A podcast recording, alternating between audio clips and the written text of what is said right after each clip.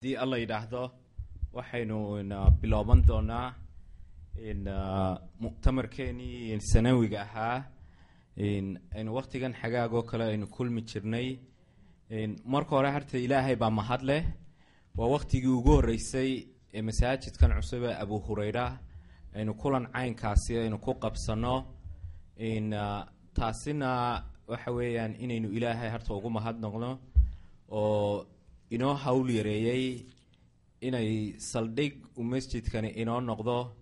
Ujeeddadii iyo himilooyinkii iyo tacabkii aynu soo galnay iyo inta dambaba inuu ilaahay inoo fududeeyo. Insha allah waxaynu rajayneynaa inuu masjidkani noqdo saldhig waxbarasho aqooneed tusaaleyn iyo isfaham wanaagsan oo diintan islaamka ee saxiixa iyadoo la taabo raacayo sunnihii rasuulka calayhi salaatu wasalaam yar iyo weynba aynu majaalka dhalinyarada haweenka ragga odayaasha cid kastaba aynu u furno aqoontu da- ma laha. Maalinba maadkii qofku joogo waxbuu kororsan karayaa. Wakti badan runtii ma doonayo inaan qaato waayo waxa weeyaan cishaay baa iska soo dhow. Muxaadaradana saacad ayaa loogu talagalay. Taasi waxa weeyaan ta masjidka ku saabsan kolley masjidka iyo hawlihiisana kolley mar kalaa laga hadli doonaa iyo siday wax u socdaan. Waxyaalaha laynooga baahan yahay. Hawshu halku ay marayso. Waxaan kaloon idin xusuusinayaa buildingku sidaa aragteenba waa building weyn markaynu kulanadan qabsano dadyo badan baa imanaya carruur baa imanaysa dumarkiibaa imanaya. Inaynu nidaamka ilaalino waa muhiim weeyaan. Waayo waxa weeyaan nidaam la'aantii waxba ma soconayaan. Halkaa corridoriska ama hooliska in la ilaaliyo albaabada marka la soo gelayo iminka albaabkan rag oo kale socodkaa ku badan dhalinyaro badan oo iminka istaagaysa baan arkay waxa weeyaan halkaas waa fire root weeyaan. Marka waxyaalaha safetygu waa inay harta inaga qudhideenaba aynu jadwalkeena ku darsano. Waayo incase ay wax dhacaanba waxa weyaan exitisku waa inay hadiyo goor free of movementss la helo ma og tahay. Taasi waa mid xagga badbaadadeena iyo si uu barnaamijku si habsamiya inoogu dhaco. Waa in qof kastoo meesha imanayaaba ay waxaweyan maskaxdiisa ay ka guuxayso hooyooyinka iyo waalidiinta qudhidoodana inay carruurta ay xusuusiyaan.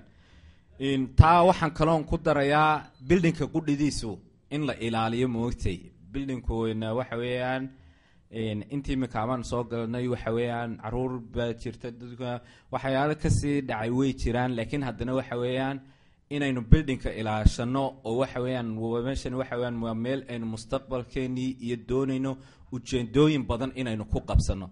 Marka qof kastoo inaga inaga mida qudhideeda waa inay taasi qudhideedu ay ka timaado oo aynu meeshii waxa weyaan waa meel aynu wada leenahay giddigan qof kastaaba uu fahamsanaado isagu waxa weeyaan waxyeelka meeshani inay inaga ina wada dhaawacayso. Ta saddexaad waxa weeyaan muctamarkan wakti badan baa galay. Culimo meelo foog foog ka timid ayaa inala joogta.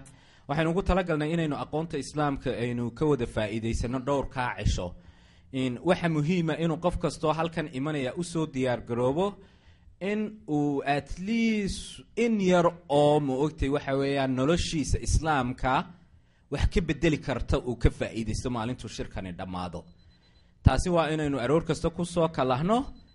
Habeen kastana markaynu ku dhammaysano uu qof kastaa niyadda ku hayo. Waayo waxa weeyaan ilaahay waktigeenna iyo saacadahaasi waxa weeyaan aynu cibaadaysanayno waa cibaado weyn aqoon baynu siyaadsanayna waxbaynu kala kordhisanaynaa.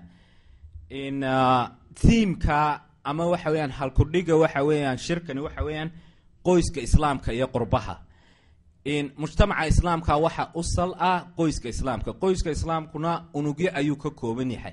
Unugyadaasi ayaa bulshadii waxa weyaan iyo mujtamacii dhaliya.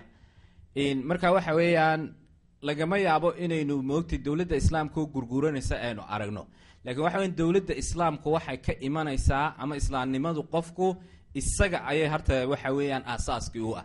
Dabadeedna reerkiisa iyo caruurtiisa ayaa sidaas ku imanaysa markuu guri kastoo waxa weeyaan bulshada islaamku isagu kaalintiisa ka soo baxo mujtamaca intiisa dambena waa iska iman karaysaa ma doonayo inaan hadalkayga ku dheeraado muxaadarada ugu horeysa kulankeenani sheekh mustafe ismaaciil haruun ayaa insha alla inoo geli doonaa mustafe waa qof aad wada taqaanaan norway buu ku nool yahay dacwadana in badan buu ku soo jiray intaasan tacriifkiisa ku soo koobaya. Muxaadarada cinwaankeegu waxa weeyaan furaha qoyska wanaagsan iyo waxa weeyaan asbaabaha ma ogtahay u saldhiga in la helo qoys islaama oo suuban oo sidii rasuulku calayhi salaatu wasalaame waxa weeyaan isagu muujiyey iyo asxaabtiisiiba laga arkay inaguna aynu ku tusaale qaadano sidii loo heli lahaa. Intaa wixii ka dambeeya waxaan uga baxayaa sheekh mustafe falyatafadal mashkuuran. Jazaakum allah khayran. Asalaamu calaykum.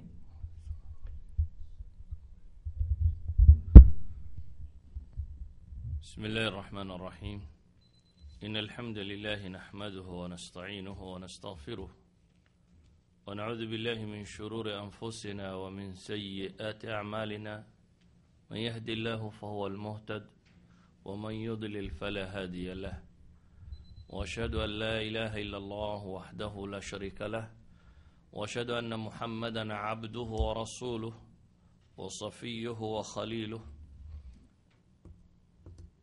يا ايها الذين امنوا اتقوا الله حق تقاته ولا تموتن الا وانتم مسلمون يا أيها الناس اتقوا ربكم الذي خلقكم من نفس واحدة وخلق منها زوجها وبث منهما رجالا كثيرا ونساء واتقوا الله الذي تساءلون به والأرحام إن الله كان عليكم رقيبا يا أيها الذين آمنوا اتقوا الله وقولوا قولا سديدا يصلح لكم أعمالكم ويغفر لكم ذنوبكم ومن يطع الله ورسوله فقد فاز فوزا عظيما أما بعد أخوتي في العقيدة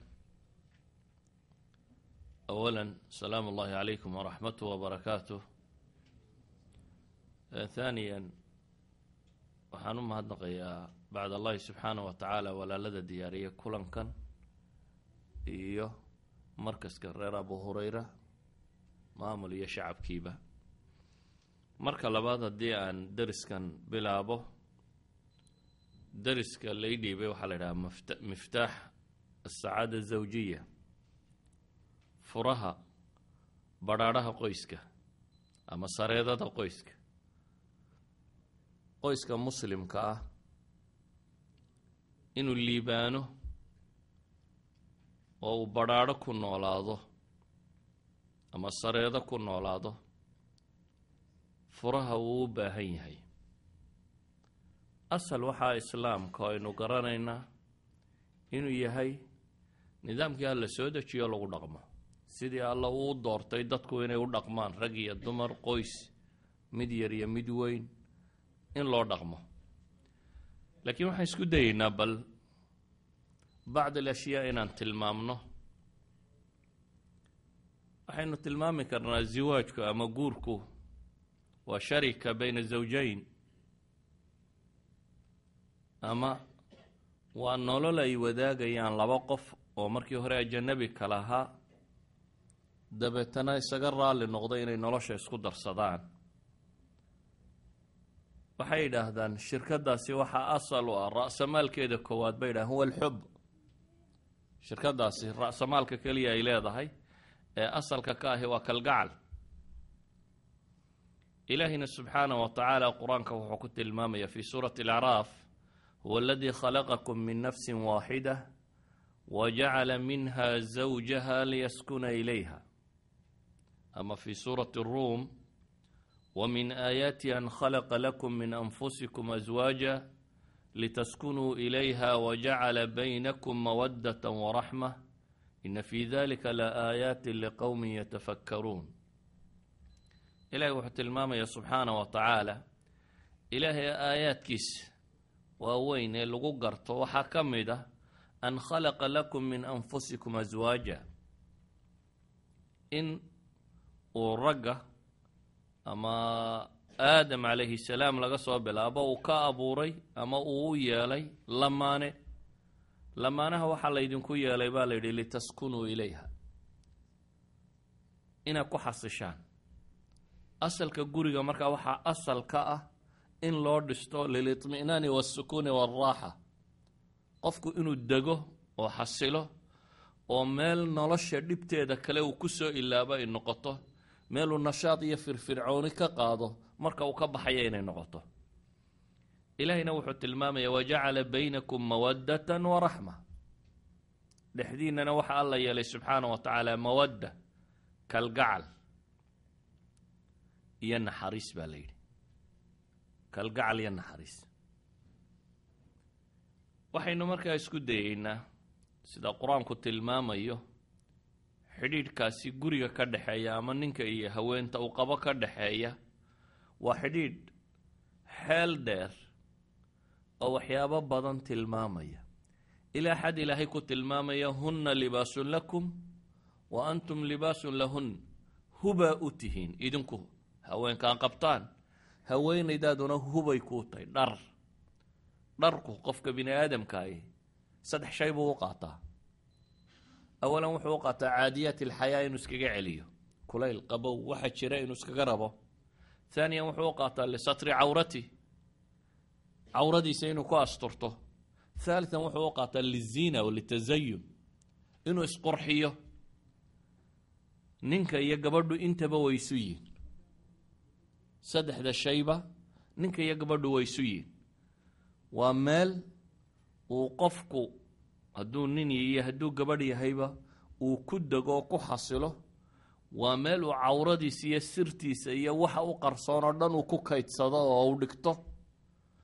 Waa meel uu quruxdiisa ku muujiyo.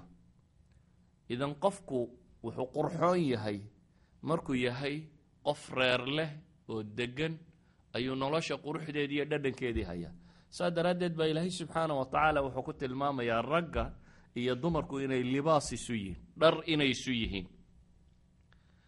Gurigaasi sidaa ilaahay qur'aankiisa ku sifeeyey waa kalaamu rabbi alcaalamiin gurigaa ilaahay sidaa ku sifeeyey ee ku tilmaamay in hullaysu yahay ama in lagu xasilayo ama in mawadda iyo raxma dhexdooda ay taallo ayaa waxaan isku dayaynaa gurigaasi inuu sii jiro waxyaabaha keeni kara ee sacaadada iyo badrhaadhaha ka muujin kara. Waxaynu leenahay dhowr shay baa jira. Dariskan intiisa badan waxaan isku dayaa inaanan ka hadal xuquuq iyo waajibaadka iyo baabkaasi. Laakiin waxaan ugu horraysiinayaa ka hadlayaa fannu tacaamul qaabka wada dhaqanka. Qaabka wada dhaqanku maadaama asaaskiisuba uu xub iyo kalgacal yahay waa inuu ku salaysnaadaa kalgacalkaasi iyo sidii loo xoojin lahaa. Jacaylkaasi ama kalgacalka ama isuhilowgaasi inuu beermo oo koro oo kobco sacaadadu markaa waxay ku xidhan tahay in laga ilaaliyo munaqasaadkiisa ama waxyaabaha waxyeelaya in la taqliiliyo kalgacalkuna waa wax la beero. Sideedaba xubbiga waxay yidhaahdaan kalgacalku waa tilka alxaala alatii tusbix fiiha sacaadatu shaksin aakhar daruuriyatan lak.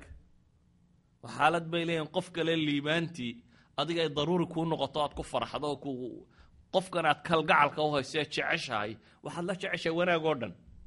Waa xaale aad qof kala rabto liibaantiisu adiga ay ku farax gelinayso waxaan rabaa markaa laba dhan inaan ka sawiro. Dhan inaan ka sawiro ninka. Dhan kale inaan ka sawiro gabadha.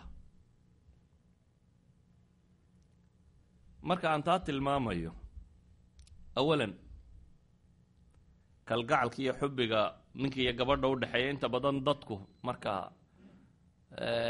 jacayl iyo kalgacal iyo muxibo iyo cishq iyo warkaa marka la sheego dadka inta badan waxaa ku soo degdega caqligooda mas'alat aljamaal quruxda iyo dhismaha qofka iyo hay'addiisa. Nacam quruxda iyo cadamada iyo weynida iyo waxaasi waa fitrada insaanka bay ka mid yihiin sideeday fitriyan bay ay maxbuub yihiin. Waayo ilaahayba qur'aanka markuu inoo mano sheeganayo ee la sheegay xoolo in laydina siiyey oo ilaahay inoo abuuray oo aynu wax ku raranayno oo ku guurayno ayaa la yidhi walakum fiiha jamaalun xiina turiixuun wa xiina tasraxuun. Qurux baa idinku sugan xoolu markay sii dareerayaan iyo markay soo dareerayaan baa la yidhi. Yacni jamaalku waa shay fitrada asalka qofka bini aadamkaa ka mid a laakiin gurigu jamaalkaasi ku saabsan hay'ada iyo bidhaanta waxaa ka muhiimsan jamaalu lafcaal waxa la yidhaahdo quruxda dhaqanka ka mu ka muhiimsan quruxda dhaqanku ama jamaal ilafcaal ayaa sameeya kalgacalka joogtada ah waayo jamaalka jasadigee sare ee muuqda waxyaabaha ugu horreeya ee lumaabuu ka mid yahay marka muddo la wada joogo da-baa iska socota saa daraaddeed waa tarahulaat baa waa muuqaalkii hore isbeddel baa markiiba ku yimaada laakiin waxaa loo baahan yahy inuu gurigu ku dhisnaadee kalgacalkiisu ku salaysan yahin waxa weye ka asala jamaal ilafcaal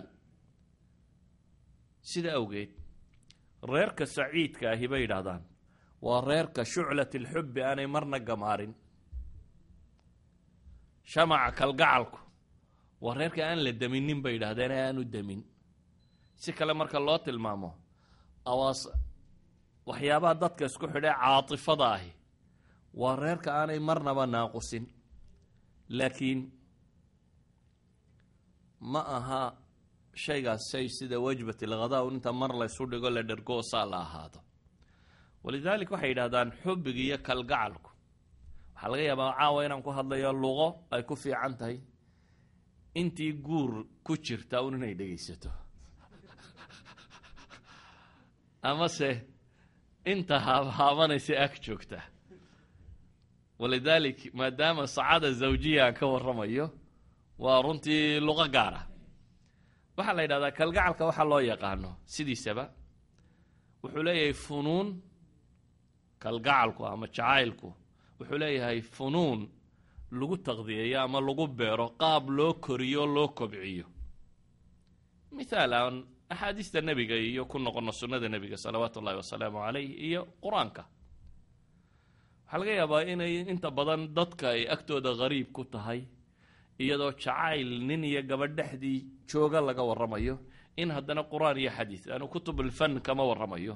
Laakiin waxa aan tilmaamayo o dhami waa waxaan daliil uga keeni doono min kitaab illaahi subxaana wa tacaala iyo min sunnati nabiyi salawaatu ullahi wasalaamu caleyh ama dhaqankii nebiga iyo saxaabada iyo dadkii wanaagsana. Kalgacalku wax beermo horta inuu yahay nebi maxamed baa wuxuu tilmaamayaa ashyaa dadka muslimiintii hadday sameeyaan isjacaylkooda uu badanayo. Maalan nebigu wuxuu leeyahy salawaatu ullahi wasalaamu calayh tahaadu taxabu xadiiskii saxiixa hadiyaadka isa siiya oo wax isu hadiyeeya waa isjeclaanaysaan yacni in hadiye laysa siiyaa waxay ka mid tahay. Waxyaabaha beera dadku inay raalli iska noqdaan oo xidhiidh fiican oo kalgacalle uu dhex maro waxaa ka mid oo nebiguu yidhi salawaatu ullahi wasalaamu caleyh xadiidkiisna saxiixu muslim ku yaalay laa tadkhulu ljanna xataa tuuminuu walaa tuuminuu xataa taxaabuu jannada geli maysaan buu nebigu yidhi ilaa iyo iimaan laydinka helo mooyaane iimaanna laydinka heli maayo ilaa iyo maxay? Ah isjeclaataan mooyaane. Haddana nebigu wuxuu tilmaamay kalgacalkaasi muslimiinta dhexdooda gelaya siduu u kori lahaa. Awalaa adullukum calaa shayin idaa facaltumuuhu taxaababtum ma idin tusiyaa buu nebigu leeyahy salawaatu ullaahi wasalaamu caleyh acmaal iyo afcaal haddaad samaysaan aa isjeclaanaysaan. Wuxuu nebigu ku yidhi afshu salaama baynakum. Salaanta badiya. Salaanta waa kalaamka ayibkii halku ka bilaabmo. Qofka walaalkaayo markuu kaa horbaxo assalaamu calaykum inaad ku tidhaahdo. Waad u ducaynaysaa. Qofka intuu kuu yimi assalaamu calaykum macnaheedu waxa weeyaan rabbi ha ku dhowro. Qofka intuu kaa soo horbaxay kugu bilaabaya hadalka ilaahay baan ka baryayaa inuu ku ilaaliyo. Waa qof kalgacal uu kuu wado. Hadduu kugu celceliyo markaas si kastoo aad u cadhaysnayd hadduu imika assalaamu calaykum ku yidhaahdo haddana hadhow markaas ka soo horbaxda assalaamu calaykum ku yidhaahdo laba saddex jeer haddaad afka buurto marka dambe waad iska nafisaysaa. Wacalaykum assalaam baad leedahay. Yacni waa qof muslim oo markuu horbaxay ilaahay kuu baryaya. Rabu samaawaati walardi qof kuu weydiinaya inuu ilaahay ku dhowro kama adkaysan karaysid. Marka dambe yacni nebi maxamed wuxuu tilmaamaya salawaatu ullaahi wasalaamu calayhi marka inuu xubbigu wax la beeri kara yahay. Dadku inay isjeclaadaan wax la beeri karo oo kalgacalku beerma inuu yahy bale qur'aanka ilaahay wuxuu leeyahy idfac bilatii hiya axsan faida aladii baynaka wa baynahu cadaawa kaannahu waliyun xamiim baa ilahay yidhi. Marka xuma lagugu sameeyo wanaag kaga jawaab baa ilahay yidhi subxaana wa tacaala oo maxaa dhacaya? Faida aladii baynaka wa baynahu cadaawa. Kii colaadu idiin dhexaysay wuxuu noqonayaa buu ilaahay leeyahy kaannahu waliyun xamiim. Ay sadiiq qariib oo ku jecel ayuu soo baxaya qofkii dhibta kuu geystay ee kaa filayay inaad ka aargudato ama aad ka aargoosato ama aadna aad cala alaqal fain caaqabtum bimili inuu sugayey intii uu kuu geystay in lag cala alaqal inaad u geysato haddaad weliba wanaag u gasho waxay keensanaysaa qofkaa agtiisa inaan dib lagugu soo hadal qaadin daa inuu isagu wax ku yidhaahdee uu yidhaha wararkaasi abaal buu igu leeyay beraan waxa waxa ku sameeyo. Haddana wanaaggaasuu ii galay. Sida daraaddeed maxaan masaa'ilkan u tilmaamaya waxa weeyaan xubbiga fitriga ee hore waa laga yaabaa inan iyo inan kastaoo isguursanaya markay isguursanyinin kalgacal fitriga dhex mara waa suurtagal. Laakiin inuu kaasi joogto ahaado oo gurigan isjacaylkaasi uu ku noolaado oo hadday dadku gaboobaan uu la gaboobo oo uu sidii jacaylku u joogaa wuxuu u baahan yahay afcaal iyo dhaqan abuuraya inuu kalgacalkaasi joogo. Waa taa masalada u baahan markaasi in wax layska weydiiyo oo la tilmaamo. Waa taa masalada aan isku dayaya markaa wixii alla ka fudaydiyo subxaana wa tacaala inaan soo naqliyo amase soo guuriyo. Idan kalgacalka qoyska iyo gurigu ama waa arrin u baahan sanaaca mushtarika bayna azawjayn waa shay u baahan ninka iyo gabadhuba inay wada beeraan. Waxaan isku dayaya markaa kalimaad alxub walcaatifa aljayaasha ay ka muuqato inaan ka soo naqliyo min kalaami culamaai salaf qura. Inaan ka soo naqliyo culammadii hore ee muslimiinta iyo waxyaabahay saatan ka yidhaahdeen. Awalan waxay culammadu yidhaahdaan kalgacalku kow aan nin iyo gabadh u kala qaadno gabadhu haweenaydu inay ninkeeda jeclaato oo jacayl dhaba jeclaataa waa min addiin waana sifo ninkuna uu jecel yahay. Hadduu gabadhiisa kalgacal ku haysto iyo jacayl uu ka dareemayo waa waxuu ninku jecel yahay. Taa waxaa u daliila ilaahay qur'aanka markuu sifaynayey dumarka jannada jooga. Oo ay ka mid yihiin dumarkii mu'minaadka ahaa ee dunida iimaan ku dhintay ahlu jannaa noqda ka mid a. Dumarkaasi jannada jooga ilaahay markuu sifaynayey subxaana wa tacaala wuxuu ku sifeeyey inay yihiin kuwa raggooda jecel. Inna ansha'nahunna inshaa'an fajacalnaahunna abkaaran curuban atraaba baa ilahay yidhi waxa weeyaan baa ilahay yidhi curuban haweenka jannadu gabadha muslimaddii inay ahlu jannaa ladhan la dhaqan noqotaa waa waxaa diintu ku yeedhayso yani ahlu jannuhu waa dad dhaqan fiican jannada waxa yaallaa waa dhaqan wanaagsan saa daraaddeed gabadha muslimada ee dunida joogtaana inay dhaqankan oo kala yeelataa waa shay matluuba loo baahan yahay. Walowlaa haddii aanu ahayn ninku mid ku farxaya inay haweentiisu jeceshay haddaanu ahayn ilaahay uguma sheegeen nimcada uu jannada ku helaya inay tahy yani miyaa la odhan lahaa jannada nimcooyinkaadnimay helayso waxaa ka mid a. Lowlaa aanay ahayn min fitrati inuu ku farxayo ku badrhaadhayo oo ku kala badanayo hadday haweentiisa ka muuqato dhaqan ama hadal ama socod ama muuqaal ama wax soo jiito oo muujinaya inay jeceshahay hadday ka muuqato. Sidaa awgeed bal kutubu tafsiir aan tilmaamo kelimadda curuban aw curban labada qiraa'o ka adoontaba akhriya waa isku mide waxay dhahdaan mufasiriintu shan qowl bay ka leeyihiin buu leeyahy ibnulqayim fii zaadi zaadi lmasiirkiisa qowlka koowaad ay culammadu ku fasireen waxaa ka mid ah alcurub waxa weeyaan buu leeyahy anahuna almutaxabibaatu ilaa aswaajihina waa sida uu cawfi ibnu cabaas ka warinayo waana qowlka uu mujaahid laga soo naqlinayo saciid ibnu jubayr ibnu qutayba imaam zajaaj culamadaasoo dhan bay ku tagtay.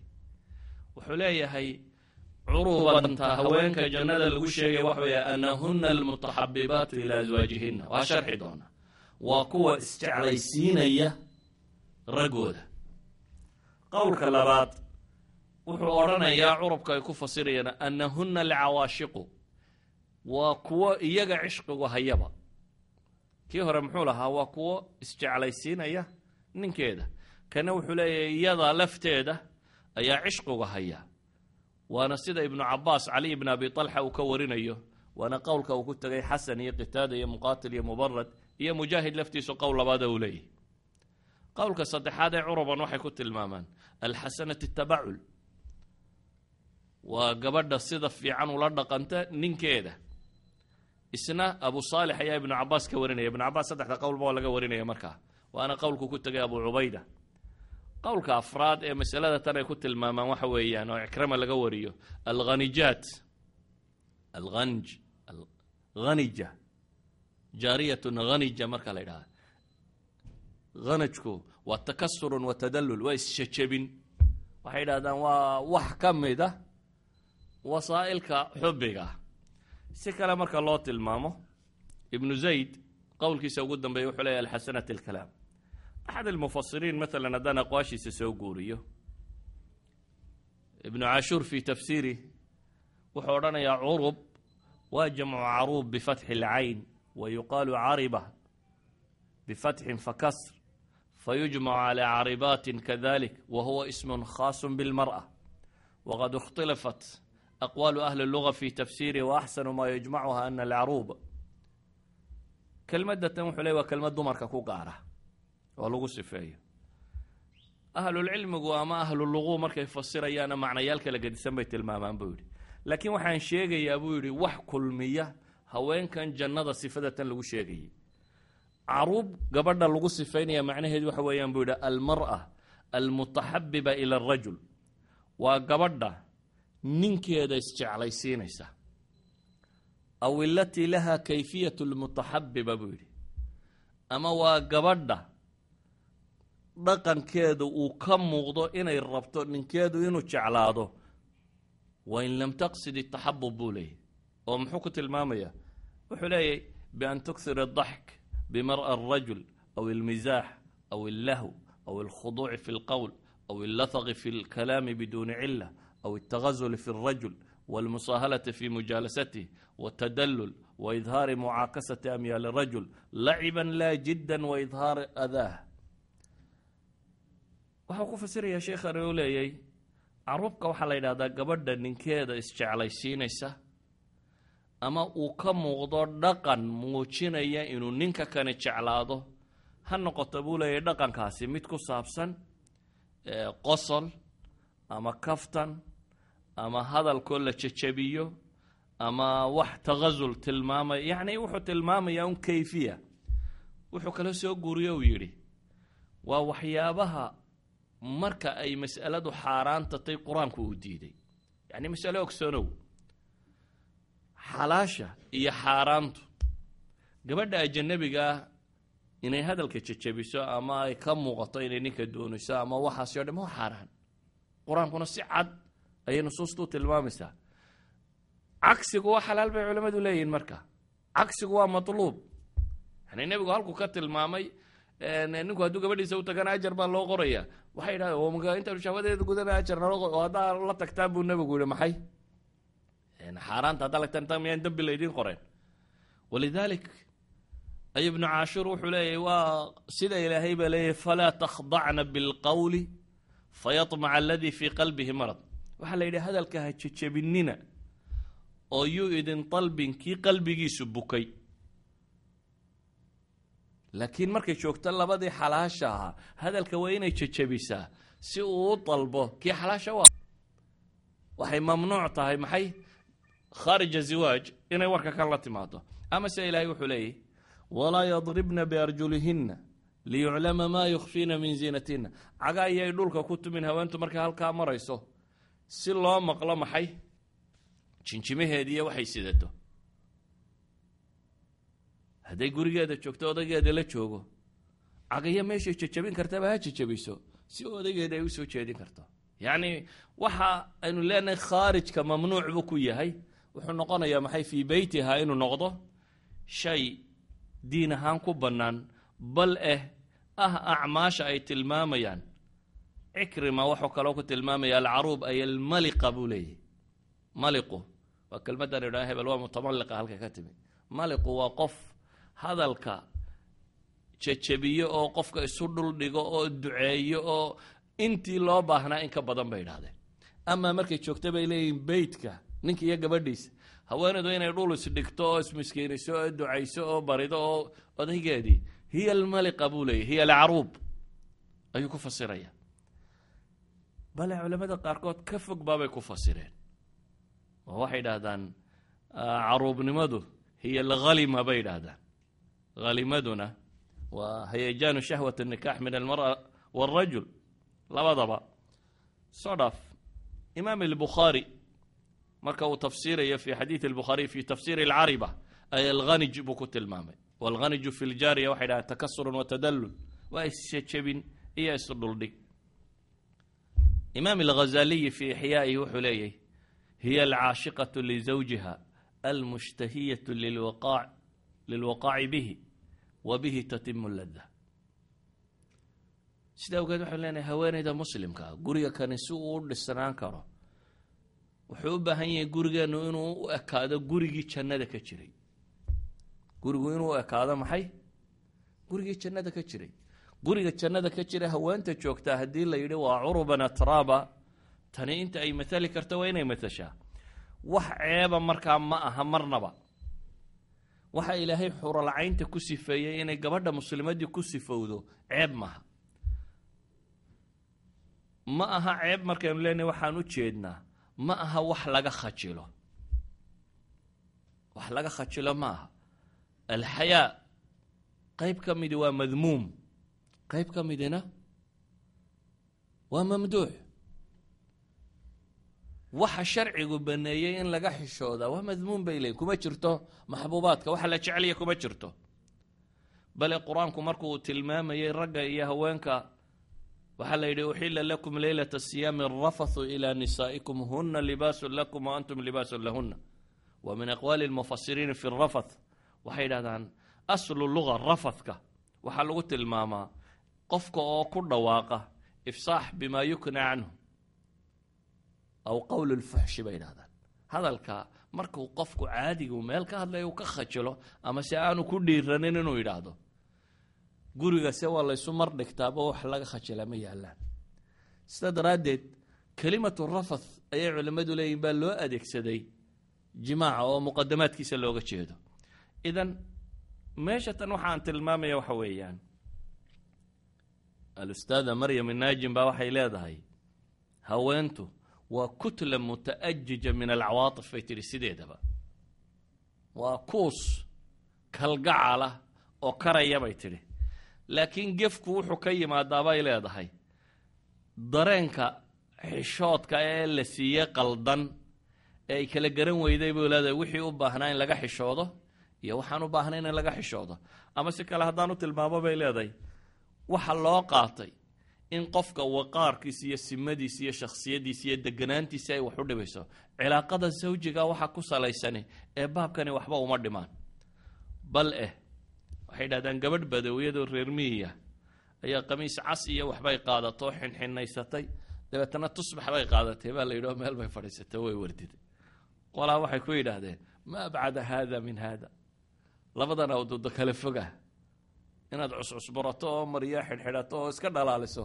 Haddana aada wardi meel la fadhiisataa waa laba kale fog bay ku yidhaahdeen.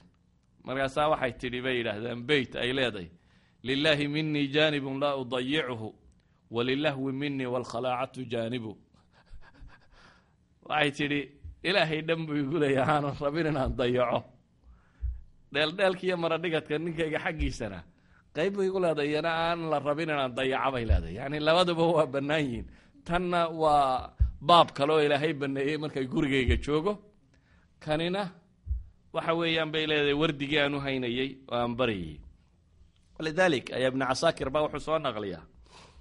Bilaal ibn abi barda. Bilaal ibn abi barda ibn abi muusa alashcari waa taabici. Abu muusa alashcari baa awowgiisa saxaabigii la odhan jiray saxaabada nebiga ka tirsanaa isna amiiru basra ayuu ahaan jiray. Ayaa qolo julasadiisa oo la fadhidabu wuxuu ku yidhi ma lcarubu min annisaa? War qur'aanku waa kan curuban atraaban sheegay. Haweenka waa tee tacaruubka ahy qaale famaaju dadkii waa buuqbuuqeen markii ninkii ugu weynaabe amiirka magaaladan kelmadda tan weydiiyey. Waa la buuqbuuqay. Dabeetana waxaa soo galay baa la yidhi isxaaq ibnu cabdallah ibnu alxaarith isxaaq ibnu cabdallah ibnu alxaarith ibnu nofal ibnu alxaarith ibnu cabdilmualib ibnu lhishaam ayaa soo galay. In haashimiya nebi maxamed ay isku abtirsan yihiin calayhi salaatu wasalaam oo isna culamadii wakhtigaa joogtaya dadkii markuu ninkan u soo galay buu wuxuu yihi qad jaakum man yukhbirukum fasaluuh. Waar hadduu yimi haddaba nin ka warramaya ee isaga weydiiya buu ku yidhi haddaa idinku ka warwareegteen oo sheegi weydeen kan aalu beytkaabaa ka warramaya weydiiya buu ku yidhi. Waa maxay baa la yidhi? Wuxuu yidhi alkhafira almutabadila lizawjiha waa ta xishoodka badan markay meesha kala joogto. Ninkeeda markay joogtana waa ta u furfurana u mardhigata isu dhuldhigta dabeetana gabay buu tiriyey uu leeyay waa ta la yidhi yucribna cinda bucuulihina idaa khalow waidaa hum kharajuu fahuna khifaaru. Markay raggooda la joogaanna waa curubka kuwa lagu tilmaamay. Xagga debedda markay u baxaanna waa khifaar yacni alxayaa shadiid baa la ydhaha khufriga waa kuwo aada u u xishood badan. Sida awgeed waxaynu tilmaamaynaa gurigu si uu u dhisnaado oo guri saciida uu u noqdo. Waa inuu noqdaa guri kalgacalkiisu uu joogto yahay.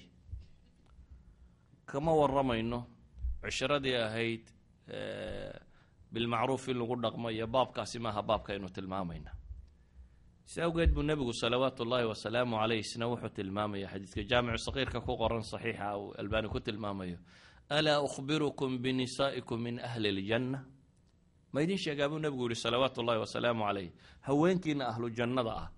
Sifada koowaad uu nebigu siiyey wuxuu ku sheegay alwaduud alwaluud alca-uud calaa zawjiha alatii idaa aadat aw uudiyat jaaءat xataa ta'khuda biyadi zawjiha huma taquul wallahi laa aduuqu gamda xataa tardaa. Nabigu leeyahy salawaatu ullaahi wasalaamu calayh haweenkiina kuwa ahlu jannii waxa weeyaan alwaduud. Waata ninkeeda jecel. Gabadha ku sifowda jacaylka kan. Ahlu jannaha haweenka muslimaadka ee dunida jooga ee janno gelaya sifadii loogu horreysayey waxaa ka mid a inay noqoto maxay? Alwaduud alwaluud alca-uud tu jecel ninkeeda oo wax dhalaysa oo ca-uuda yani caa'ida bilkhayri wanafci ilaa zawjiha. Khayr iyo wanaagu ninkeeda kula noqonaysa. Ta haddii ay wax dhinto ama iyada la dhibo intay ninkeeda gacanta qabato tidhaahdaa wallaahi inaanan waxba dhadhaminayn inaad raalli noqoto mooyaane. Haddii xataa iyadaa la dhibo buu nebigu leeyahy amase iyadoo ay wax dhibto mar kastaba u taagan inay ninkeeda raalli geliso. Walidaalik ayaa lorad wiil gabadhan la yidhahdo maraykanka ee le buuggan ay u bixiyeen tarjamadiisa azawja almustaslima waxay tilmaamaysaa way gabadh guursatay dabeetana muddo markay joogeen bay ninkeedii isdileen waa iska kala tageen. Waxay leedahay nooc min feminist gruubyada iyo baabkan bay ku soo kortay inay ninka iska dhiciso iska celiso waa kaasi. Markii dambaan waxaan fakeray bay leeda oo raadiyey maxaana anigu ninkaygii u waayey reerahan jaararka iyo dadkanina weli xaasaskani isu qabaan. Dabeetana questioneer bay qaadato interview bay qaaday. Interviewgeedii waxa uga soo baxay reer kastoo dhisani inuu yahay reer isu jajaban oo haweentu ay tahay mid ninkeeda jecel oo u jajaban aan waxba ku qabsanin. Walidaalik ba waxay qortay buug. Ay yidhahdaan dabcaddii koowaadba boqol kun oo xabaa la qaatay ay u bixisay almara almustaslima. Istaslimii lizawjik bay buugga fikradiisao dhami waa ninku waa libaax bay leeday. Haddii aada isku soo taagtana wuu ku cuni. Haddaad u jajabnaatana afkiisaad kala bixi bay leedahay waxa ku jira. Sidaa daraaddeed jajabni isdhiib bay leedahay. Wax kasta waa lagu siinayaa haddaad adigu isdhiibto wax kasta waa lagu siinaya. Idan qofka muslimkaa ama reerka muslimka ah waa reer kalgacalkaasi uu u dhexeeyo waxaa laga yaabaa inaan waxoogaa tilmaamay caruubnimadii iyo waduudnimadii iyo bal dhanka kale aan tilmaamo. Weliba marka aan tilmaamayo waxaa laga yaabaa kutubtan baababkan ka warranta ee dadka kale qoraan in afkaar khaliya un la qoro aan tusaalayaal wadan. Yacni cid ma jiro standara oo marka afkaarta la sharxo dabeetana standard lagu qiimeeyo male mithaal ma jiro tusaale ma jiro. Laakiin waxaa laga yaabaa un culamaai suluuka o culamaai nafs oo sociology oo waxay la mid ah in wax la qoro uun afkaar la tilmaamayo guryu ku dhisnaan kara kan. Tan aan ka daaya qeybta ninkaba haddaan taa dumarkii ahlu janna u soo qaatay tanna aan nebi maxamed soo qabanno salawaatu ullaahi wasalaamu caleyh iyo dhaqankii ka muuqday. Waxa aan rabaa maadaama aan idhi xubbiga iyo kalgacalka ninka iyo gabadha u dhexeeya maalmaha hore ee laysjeceliya laysgursado qura maahe baynu leenahy waa wax la beeri karo oo joogto noqon kara oo gurigu kalgacalkaasi uu ku noolaan karo ilaa iyo intii alla u qoro. Laakiin beeristani waxay u baahan tahay labada qofba inay wada beeraan. Waxay u baahan tahay haweenaydu inay beerto oo ay ku beerto wixii sharcigu uu baneeyey. Waxay kaloo u baahannahay inaynu aragno ninka iyo jaanibka cawaatiftiisa tan uu ka tilmaamayo nebiga salawaatu ullaahi wasalaamu calayh. Axaadiista ka soo aroortay tirada badan leh. Nebigu salawaatu ullaahi wasalaamu calayh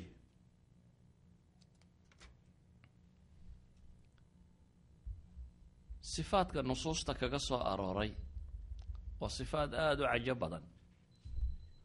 Waa sifaad dhan tawaaduciisa muujinaya isagoo nebiya oo rasuul ah oo ilaahay ummadaba kuu ka doortaya oo aadam laga soo bilaabo ilaa iyo dunida qofka ugu dambeeya beersankii ugu koreeye ugu sharaf badnaaye ilaahay ugu jeclaaye xagga alle u xigay ah yacni waxaynu odhan karnaa waa aqlaa insaan kownka lagu dul arko laakiin guriga dhaqanka iyo qaabku u dhaqmaya jacaylkan uu beerayay nebigu caynku ahaa salawaatu ullahi wasalaamu caleyh waa kala nooc inaad ka waranto dabadda marka uu ninku joogo ama gabadhu markay joogto bulshada siday ula dhaqmayaan waa si gaara gabadhu dabadda markay joogto xishood iyo hadal fiican iyo dhowrsanaan ayaa laga rabaa iyo xijaabkeeda iyo waxeeda sidato ninku dabadda markuu joogo waa nin wax maamulaya odaya waayeela waxgarada aqoon-yahana wax kastaba. Ah bale saalixiin iyo awliye nebiye rasuulla leh. Laakiin guriga markuu joogo nebigu iyo rasuulku iyo dadkani say u dhaqmayeen. Idan xayaatilbeyt way ka gadisantahay dabadda xayaato badan oo taalla. Se daraaddeed baa caaisha waxay leedahay. Nebiga salawaatu ullaahi wasalaamu calayh ayaa intaan weel wax ku cabo xadiiskii saxiixu muslim ku yaalla kuntu ashrab fa unaawilhu nabiya sala allahu alay wasalam fayadac faahu calaa mawdici fay. Intaan weel wax ku cabo nebiga ayaan u dhiibaa bay leedahay. Dabeetana markaan u dhiiba wuxuu eegtaa nebigu halkii anugu aan af ka saaray halkii dhareerkeedu ku yaallu ka cabaa nebigu salawaatu ullahi wasalaamu caleyh yacni waa guri reer ku wada nool. Saa daraaddeed waxay leedahay weelkii aan wax ku cabay markaan nebiga u dhiibo halkii aan afka ka saaray weelka ayuu nebiguna salawaatu ullahi wasalaamu caleyhi afka ka saaray. Wa atacaraqu alcaraq fayadac fahu calaa mawdici fay. Waxay leedahay caraqu waa lafta hilibka weliba marka inta badan laga dhameeyo wax yaroon ku sii hadhareen laf baan feentaayo halkaan ka goostay oo intaan feenfeentaan u dhiibaa halkii aan ka goosto isna ka sii feentaa bay leedahay nebigu salawaatu ullahi wasalaamu caleyh yacni caaisha dhaqankan waxay u soo guurinaysaa inay muslimiinta barto nebi moxamed salawaatu ullaahi wasalaamu caleyh siduu u dhaqmayay waxay tilmaamaysaa guriga siduu uga dhaqmay inay ahayd weelkaa haweentiisii wax ku cabtay halkay afka ka saartay inuu afka ka saarayay. Waxay tilmaamaysaa iyadoo xayd leh inuu dhabteeda ku tiirsanayay oo ku jiifsanayay. Xadiidkii saxiixu muslim ku yaallay kaana rasuulu llahi sala allahu alay wasalam yatakau fii xijri wa ana xaa'id nebigu salawaatu ullaahi wasalaamu caleyh dhabtayduu ku jiifsan jiray bay leedahay anigoo xayd leh. Waxay tilmaamaysaa nebigu salawaatu ullaahi wasalaamu caleyh ida kaana bileyli saara macah. Xadiidkii bukhaari. Habeenkii bicnic baanu wada bixi jirnay bay leedahay nebi waa israaci jirnay litanazo waa nebi iyo rasuul. Weliba goormo jooga. Dhowr iyo konton jira. Odhan anugu oday baan ahay oo dee dhallinyarada raacraacda islaamaha e anugu ma dabagala maaha waa nebi rasuulah oo dhowr iyo konton jira calayhi salaatu wasalaam oo la socda haweenkiisa tii u da-yarayd gabadh dhowr iyo toban jira la socda waa madiina. Caisho dhowr iyo toban jira iyo nebi maxamed salawaatu ullaahi wasalaamu calayhi oo dhowr iyo konton jira ayaa waxay leedahay bicnic baanu wada bixi jirnay. Bale waxaad ka garan kartaa nebigu salawaatu ullaahi wasalaamu calayh ma qarsanaynin xataa kalgacalka. Innaga waxaa laga yaabaa ninku nin soomaaliyeed bal kudha gabadhaadama jeceshay yani hayru macquul waxaasi wax af la soo mariyo. Way ka weyn tahay. Nebi maxamedna inta saxaabada u yimaadeen bay dhaha ilaahay rasuulkiisiiyo dadka ayaad u jeceshay dee caasho buu yidhi nebigu tasawur. In nebi maxamed su'aala la weydiiyo dadba yaad u jeceshay oo idhaahda caasha markaasay idhahdeen raggaanu u jeednaa markaasuu yidhi abaheed abubakar abubakar baanu jeclahay yani isagoo nebiya oo rasuulah ayuu waxay culimmadu leeyihiin xata almusaaraxa bikalimati alxub maaha iyada inuu musaaraxeeyo qura inuu iyada ku yidhaahdo nin soomaaliyeed cid kale daaya haweentiisa lagama yaabo inuu weligii waan ku jeclay ku yidhi. Yani wax laga xishoodo aan af ka soo bixi karin ama ku weyn weliba soomaali yani waa mushkilad bay ku tahay ba kaanama ninnimadiiba waayey ama uu meel hoose ku dhacay aan dib looga soo qaadi karaynin. Yani waxaa iskaga keen qaldamayd mushkiladii waxa weeyaan. Alxayaa aljamiil wixii sheegayey xishoodka fiican iyo wixii shareecadu banaysay ee dhaqanka ahaaba isku qaldamay. Wixii shareecadu banaysay iyo dhaqankii baynu isku qaladnay. Walidalik buu nabigu salawaatu ullaahi wasalaamu calayh haweentiisa uu tanazuhu raacayay bal eh. Uu yani waxaan oo dham waxaan u tilmaamayaa waa afcaal inteeda badani cawaatifta ay wax ka bedasho waa afcaal muuqaalkeedu wuu yariyey koobka halkii ka cabta inaad qaaddo aadna ka cabto muuqaal ahaan maxay samaynaysaa baa laga yaba ninka soomaalida yidhahdo lakiin waxaynu idhi waxa kani wuxuu u baahan yahay in la beero oo dhaqamo yaryar oo tirsan oo adiga agtaada aan wax buuran ka ahayn ayaa qofka psychologicale hadday degaan noloshiisa wax badan ka bedela idan waxaa la rabaa waxa weeyaan in gabadhu ay u muuqato dareensiiso ninkeeda inay jeceshay cagsiga waxaa kaloo la rabaa ninku inuu muujiyo haweentan kalgacal iyo wanaag inay ku wada joogaan uu jecel yahay. Ma aha aniga iyo tii gurigayga joogtay maraanu israacnay ama aniga iyo yani xataa inuu yidhahdo reerkaygii ayuu afka kale warwareegaya marka aniga tii guriga joogtay buu leeyahy asalku laakiin waxa weeyaan nebigu salawaatu ullaahi wasalaamu caleyh intuu guriga soo galo ayuu shaqada guriga wax ka qabanayay oo uu la qabanayay haweentiisa tan. Bal eh si uu cawaatifteeda u ilaaliyo haweentiisu jeclaa asxaabteeday jeclayd ayuu nebigu hadiyadee u dirayay. U fiirso haweentiisu jeclaa. Saaxiibadeedii ay la saaxiibada ahayd ayuu nebigu hadiyad u diraya hadiyaddan wuxuu ku sii raali gelinaya maxay? Haweentiisii u jeclaa. Bale iyadoo dhimatay ayuu dirayey caaisha waa tii xadiidka saxiixa ku tilmaamaysay. Saxiixu muslim ku yaalay. Marka neef la qalaba nebigu wuxuu idhaahdaa khadiijo asxaabteedii hilibka wax uga dir.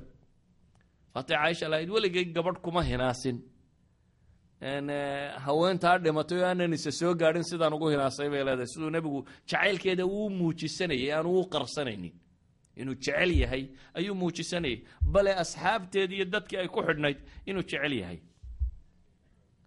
nebigu salawaatu ullaahi wasalaamu calayhi wuxuu dhaqankiisa ina tusinayaa kelimada fiicani waxa ay tarto. Kelmadda fiicani. Kelmadda fiicani nebigu haweentiisuu ammaanayay ammaantu waa wax fitrada bini aadamku iska jeceshay. Waa wuxuu qofku yaro buunbuunsamo haddii wax la yaro sheeg sheego. Haweenaydiisuu nebigu ku yidhi ina fadlu caaisha cala annisaa ka fadli thariid cala saa'iri طacaam caasha fadligeedu wuxuu ku yahay buu nebigu yidhi salawaatu ullaahi wasalaamu calayh marka loo eego dumarka kale sida thariidku ka yahy thariidku waa kimis maraq iyo hilib lagu googooyay oo wakhtigoodii ahaa yacni cunnada ugu fiican ee malaa madiiniya gagaarkeeda taalay. Oo markaa dabaqada dee uun ugu sarrayn kartaa wixii u fiicnayd ay cunaysay. Thariidku halkuu ka joogo dumar? Ayuu ka jooga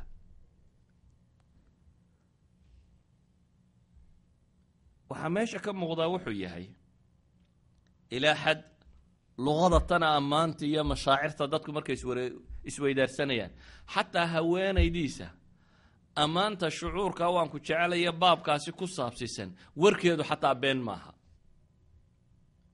Oo been baan sheegaya odhan maysid. Walidaalika baa xadiidka nebiga salawaatu ullaahi wasalaamu calayh saxiixu abi daawuudka ku sugan.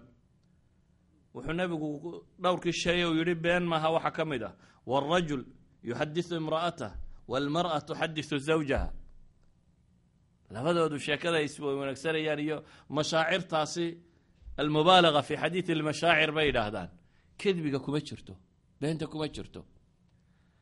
Waxaa muuqata nebigu salawaatu ullaahi wasalaamu calayh ilaa xad inta uu xataa hiwaayaadkeeda uu ogolaa qofku waxaa laga yaabaa nooc min alhiwaaya waxuu jecel yahay inay iska jirto. Caasho inan yar oo dhowriyo toban jir oo dhallinyaro ah waxay lahayd bahalo yaryar oo ay ku cayaarto hablo yaryar iyo farda iyo waxbay samaysatay ay ku cayaarto iyada iyo dhallinyaro kaloo u yimaada. Dabeetana markay dhallinyarada kale ay hablaha kale la joogaa markuu nebigu soo galaa la is ururiyaa meel baa la isku qariyaa caaisha markay u tagto nebigu bahalada yar intuu qaadaabuu hoosta uga dhiibayay si ay halkooda ugu cayaaraan. Yani xataa inuu ogolaado hobigeedan yar iyo cayaartan yar ay gurigeed ka cayaarayso inay wadwadato oo ay meesheeda ku cayaarto. Waxay leenahay nebigu salawaatu ullaahi wasalaamu calayh waxaa ka muuqata haadihi alkalimaat marka aynu tilmaamayno. Hadalkan ah inuu ammaanayo ama jacaylkiisa uu muujisanayo ama uu hiwaayaadkeeda wax uga ogolaanayo ama uu guriga shaqooyinka qaarkood gargaarayo ama weelka halkay wax kaga cabtay uu wax kaga cabayo kullu haadih waa lugati almashaacir waa luqo dareen ka tarjuma. Yacni qofka bini aadamka ah socodkiisa iyo hadalkiisa iyo muuqaalkiisa iyo daymadiisu waa luqo qofka kalena uu fahmo. Walidalik baa axad alculamaa baan arkaya oo doctooraba ku diyaariyey luqatu tawaasuli fi lqur'aan waxyaabahan kalaam lagama warramayo laakiin waxa kale yani bini aadamku hadal qura maaha wuxuu ku wada xidhiidha walidaalik marka guriga dabadda laga joogo waxaa la mamnuucay. Haweentu inay si xishmo leh u socoto baa la amray. Wax allaaliya wixii jajabisa qofka kale ishiisa soo jeedanaya cagaa dhulka lagu garaacayo waxaasoo dhan baa la mamnuuc waayo waa luqa. Isjajabintani waa luqo. Kabahan dhaadheere la qaadanaya waa luqo. Kabtan dheeri. Marna way sanqadhaa dhow dhow dhow kab ninoo sanqadhaysa weligaa miyaad aragtay? Maxaa kabaa dumarka sanqadha loogu yeelay waa hana waa gabadh kule halkaan maraya ay soo eeg nin kab dheer oo dhow dhowle arki maysid weligaa? Waa falsafa yacni maxay yidhahdaan style engineersku waxan ay dejiyeen weeyaan qolada fashionka samaysa. Kabtan dumarku inay maxaa loo dheereeyey? Waa litamaayul kab dhulka ku naban haddii la siiyo de iska digdiglaynaysa caada u soconaysaa laakiin inay ruxruxantaa la rabaa. In jidhkeedu dhaqdhaqaaqo tamaayul uu dhaco dabeetana kab dheeroo walewale waxaasoo dhamay dabadda waa ku mamnuuc. Waayo waa luqati tawaasul bay ka matee waa afka lagu wada xidhiidho.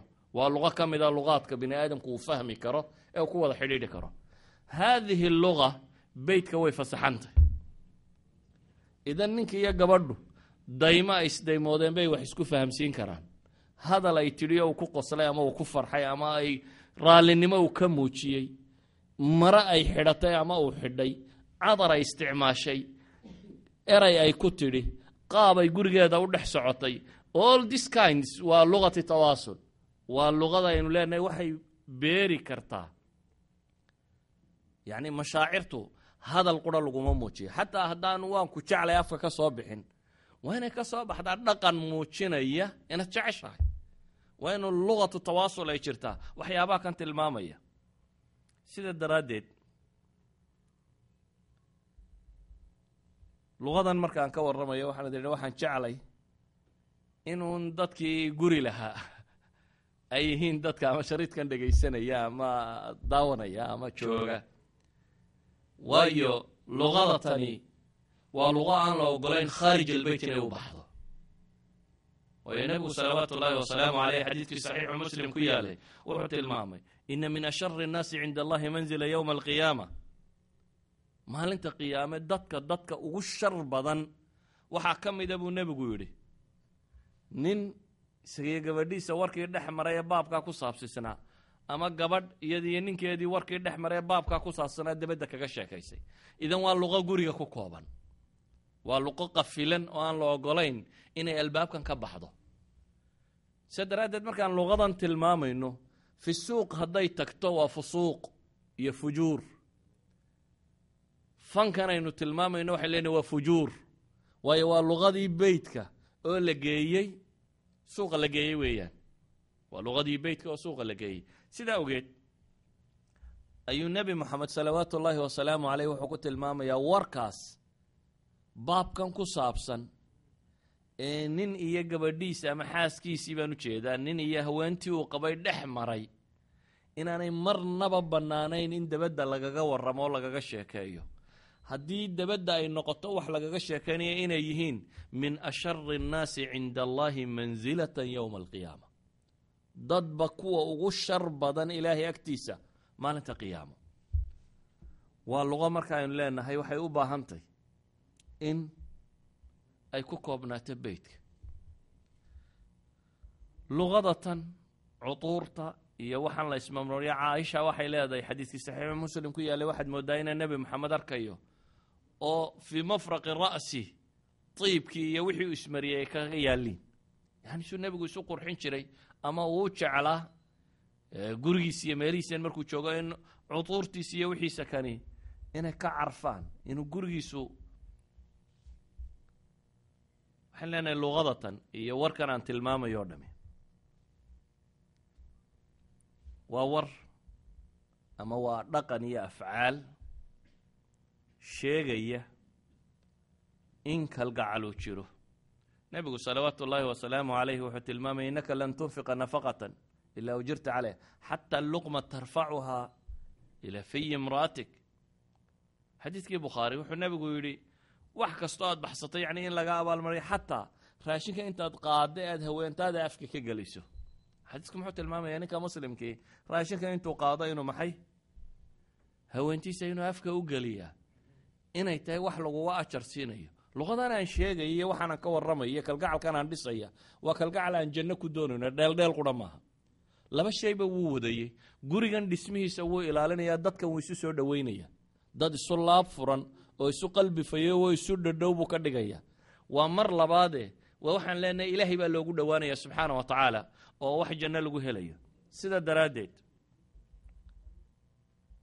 ayuu nebigu salawaatu ullaahi wasalaamu calayh isagoo caaisha la fadhido. Ayaa waxaa soo gashay zawda haweentii ugu weynayd haweenku qabay nebigu iyo tii ugu weynayd weeyaan. Waa laba nebigu qabo midna waa tii u weynayd midna waa tii u yarayd labadiiba halkan bay fadhiisteen. Labadiisa addin buu midba mid saaray. Adinna caashuu dusha ka saaray. Adinna sawda buu dusha ka saaray caasha intay kacday bay waxoogaa raashino soo samaysay oo ay sawdo u keentay. Sawday tidhi cun sawdaa tidhi cuni maayo. Way ku celcelisay cun may waad cunaysaa? Cun cuni maayo bay haddaad cuni weydo wejigaan kaa marinayaa bay tihi nebiguna uu dhex fadhiyaa. Sawdaa tidhi cuni maayo.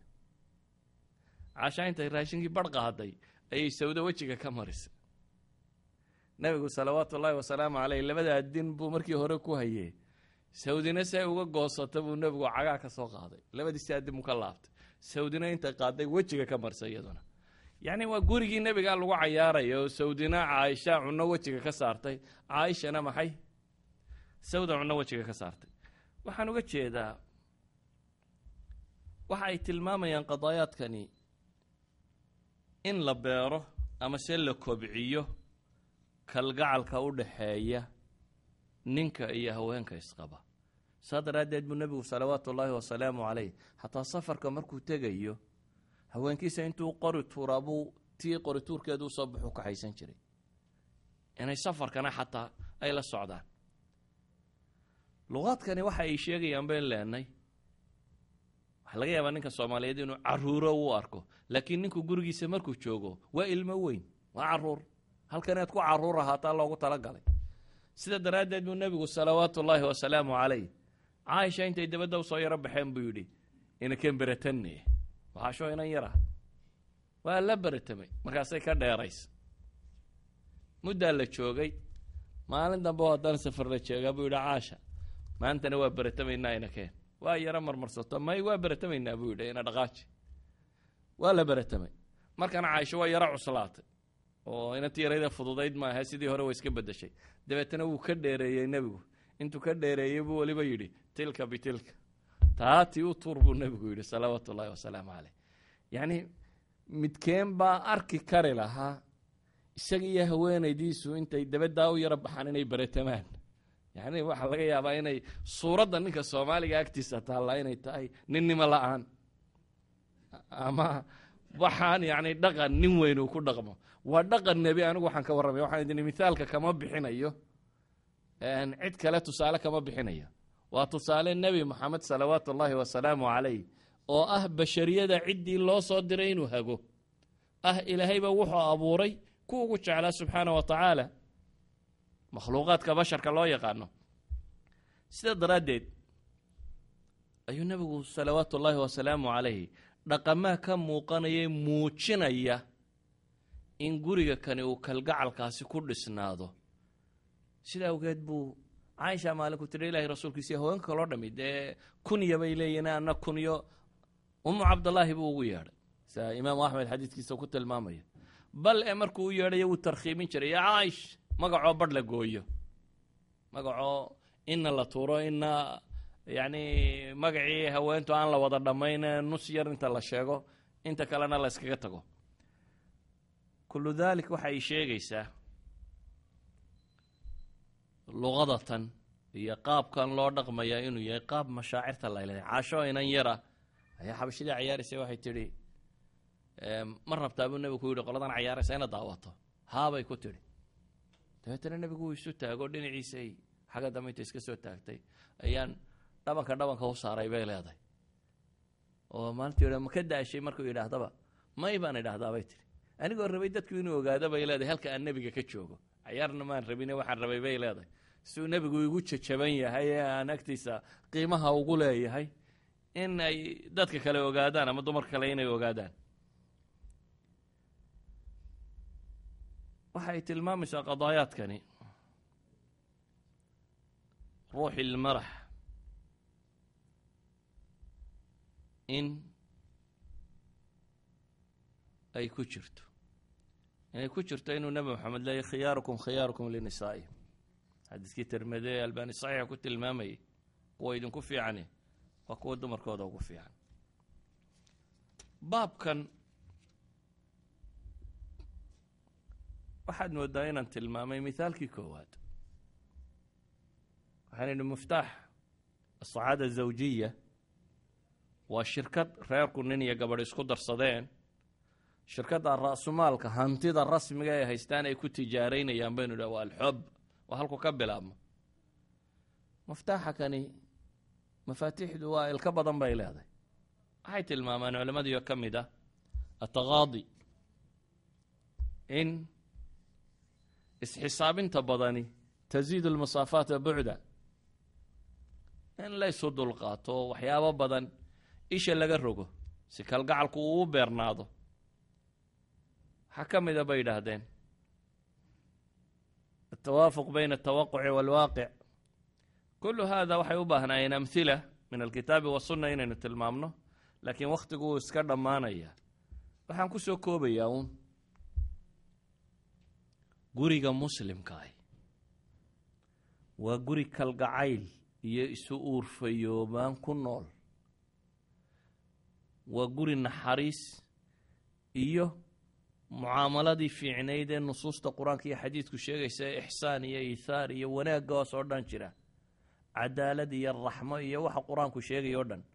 Waayo waa meesha la rabo in lagu barbaariyo ubadka bulshada u soo kacaya oo ubadku inuu guriga ka yimaado isagoo yaqaana. Macna alxob iyo dadka kalgacalka loo haynayo naxariista cadaaladda dhimirsanaanta cafwiga tasaamuxa kullu daalika nusuusta qur'aan ee tirada badan le ay sheegayso ee lagu yidhi dadka kale kula dhaqan waxa awla u ah oo ugu horreeya inaad kula dhaqanto maxay? Taa nolosha wadaagtaan. Haweenna waxaan ku soo koobaya iyada. Nebi moxamed wuxuu yidhi salawaatu ullaahi wasalaamu calayh. Gabadh baa u timi dabeetana danay lahayd baa ay ka waraysatay. Markay dhammaysatay wuxuu ku yidhi nin ma leeday haa bay tidhi saa isku tihiin buu yidhi arrinkiisa saa tahay. Waxaanu taag waaye mooyaane wuxuu u baahan yahy uma meel yeela bay leedahay yacni wax kastayna raalli gelayaa baan isku dayaa. Wuxuu nebigu yidhi ku dadaal isagaa janniya naartaadiiya buu nebigu ku yidhi. Idan haweenayda ninka waxa caanka ah atakabur bay dhahdaan iyo alkibriyaa markaa wuxuu is leeyahay armaad haddaad waxan yarar samayso oo lagu yasa ayaad hoos u soo dhacday.